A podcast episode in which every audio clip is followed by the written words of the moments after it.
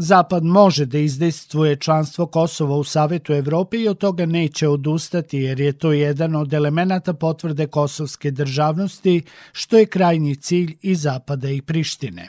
Bio je to povod da početkom nedelje u Strasburu šef srpske diplomatije iza zatvorenih vrata razgovara sa predsedavajućem tog tela i ambasadorkom Islanda, zemlje koje preuzima predsedavanje Savetu Evrope. Island se nalazi pod velikim pritiskom. E, mi smo iznali naše mišljenje, međutim da li će i koliko će to biti uvaženo pre svega od strane Nemačke, a oni se tu pozivaju na zemlje članice Vinte, uh, vidjet ćemo u narednom periodu. Oni, oni računaju na to da imaju da obezbeđenu većinu.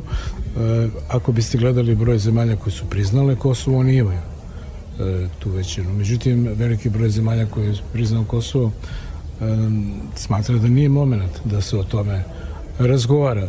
Na pitanje zašto se odlučivanjem o zahtevu Prištine onda čeka, obično usledi odgovor da bi stavljanje na dnevni red pokazalo podelu u Evropi, pogotovo jer pet članica Evropske unije ne priznaje nezavisnost Kosova, a što na indirektan način potvrđuje i ambasador Komisije Srbije pri Savetu Evrope Aleksandra Đurović. Uspeli smo da to ne bude tačka dnevnog reda ni za sutrašnji sastanak, Međutim, šta će dalje da se dešava dosta je neizvesno. Znači, postoji mogućnost da neko i na početku sastanka predloži da se tačka doda na dnevni red.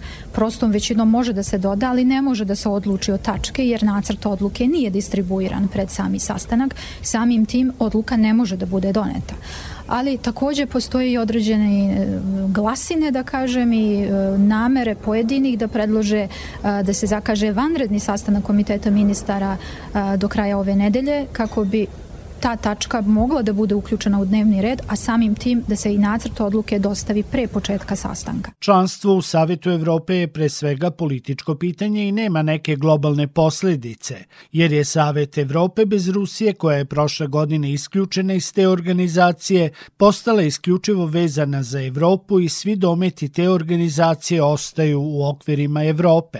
I dok se suočava sa izazovima, delegacija Srbije obeležila je dve decenije od prijema zemlje u Savet Evrope, prvu posleratnu političku organizaciju starog kontinenta, čiji je zadatak unapređenje ljudskih prava, demokratije i vladavine prava, podsjetila je generalna sekretarka Saveta Evrope Marija Pečinović-Burić.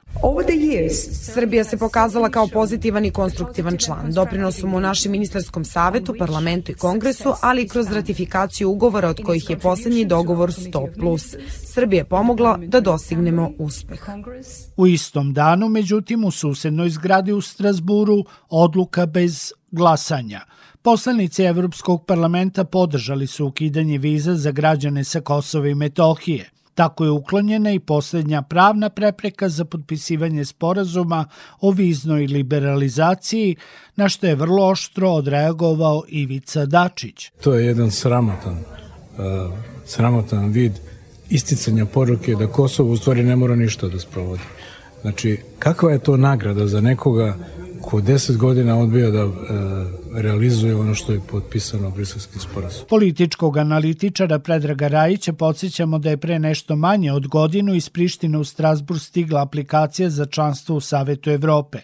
I posle više pokušaja to pitanje ni ove nedelje nije bilo na agendi sednice Komiteta ministara Saveta Evrope.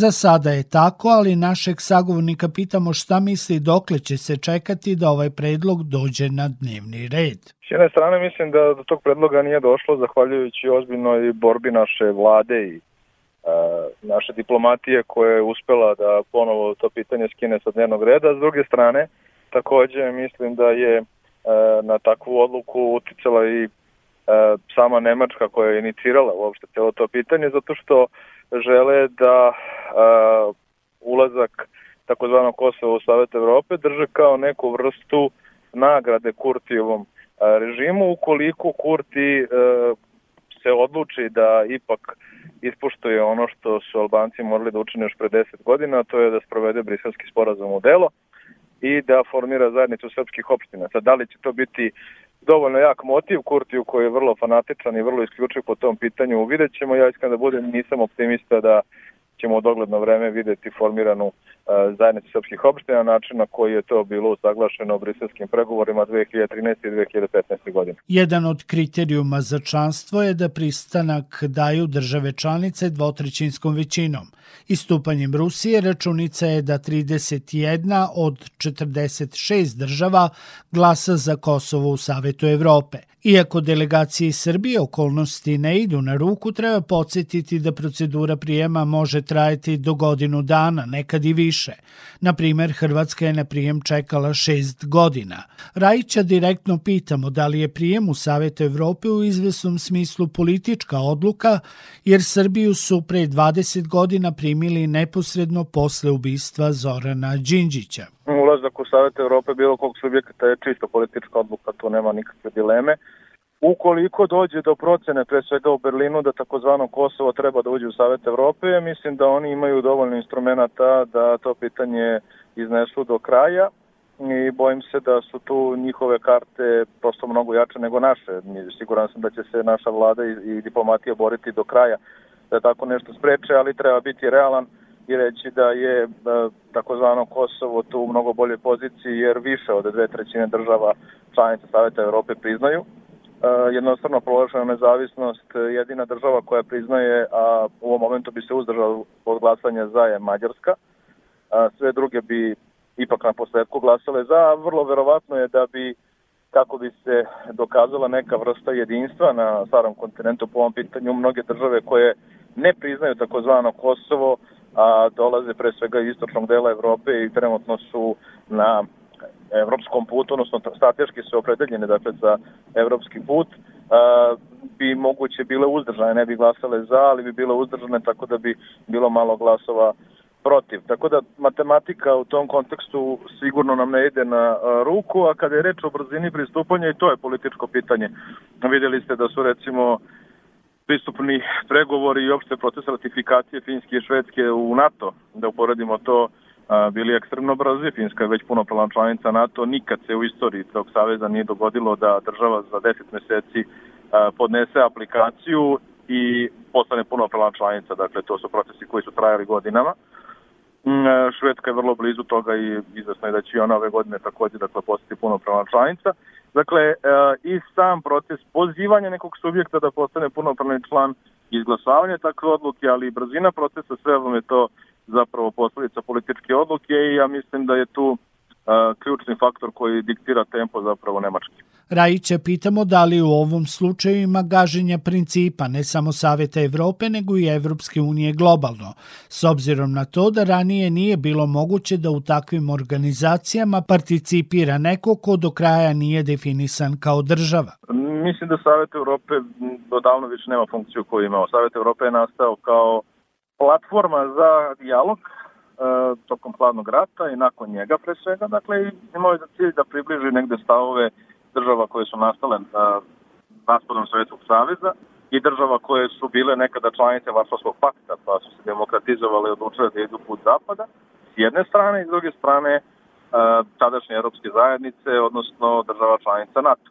Zbog toga je u ostalom pridružena i Amerika čak, dakle koja nije na evropskom kontinentu, ali ima svoje predstavnike u određenim telima Saveta Evrope. I ta platforma je u nekom periodu istorije imala dakle svoju ulogu i približavala je te subjekte i služila je kao mogućnost za formiranje određenih procesa koji su imali e, i trebali da imaju karakter jačanja mira na starom kontinentu. Sada u ovom kontekstu kada imamo otvoreni rat, najveći rat na evropskom tlu od 45. na ovamo, mislim da je izvršno opšte više govoriti o tome kako Savet Evrope igra neku svoju ulogu, pogotovo nakon činjenice dakle, da je došlo do raz, mimo ilaženja između najvećeg broja država članica Saveta Evrope i Ruske federacije i Belorusije s druge strane, i koje u osnovu nikad nije ni pristupila u punopravnom kapacitetu istom.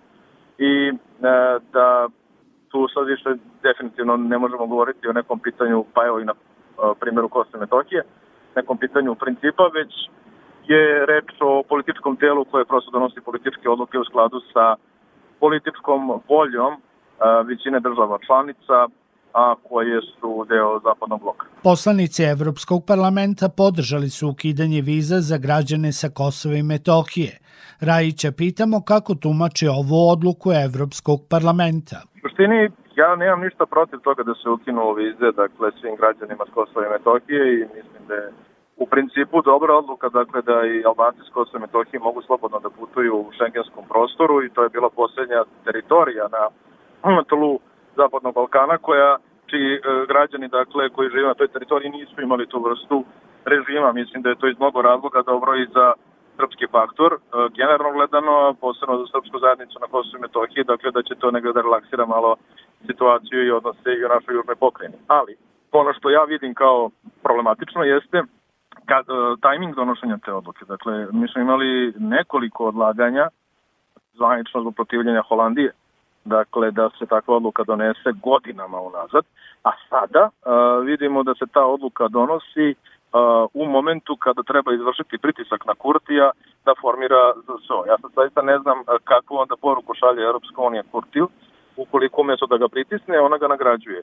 I ispada pred uh, albanskom javnošću na Kosovo i Metohiji da je njegova politika zapravo ispravna zato što donosi rezultate. Dakle, što je on tvrđi u E, svom stavu koji je beskompromisan i koji ne vodi ka e, sporazumu sa e, Beogradom, to će on dobiti očigledno više nagrada kada je reč o određenim procesima za koje je zadužena Evropska unija. I taj deo mi zaista nije jasno kako Brisel misli da sprovede u delu ono što deklarativno zagovara, to je da Priština mora da formira ZSO, da mora da ispuni sve one dakle, članove a, sporazuma koji je potpisan bio u Briselu od strane Beograda i Prištine, a koji je, za koje je garantovala Evropska unija a, s jedne strane i sa druge strane da ovaj imamo situaciju u kojoj će Evropska unija da ga nagrađuje za njegovo nečinjenje. Za sam kraj, Rajića pitamo da li možemo otvoreno govoriti o nekoj vrsti tihog uvlačenja Kosova u međunarodne organizacije,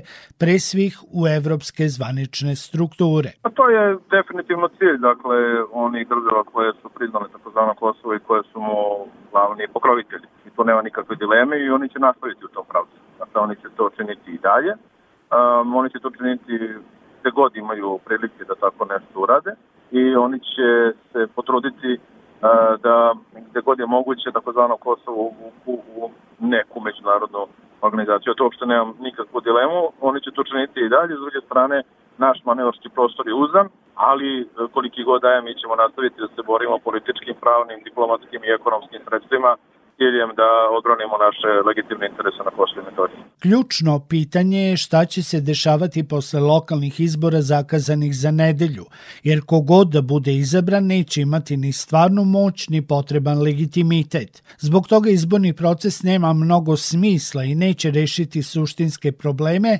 niti će Kosovo makar prividno vratiti obrise onoga što barem liči na državu. Sektor Plus. Svet sa naslovnice.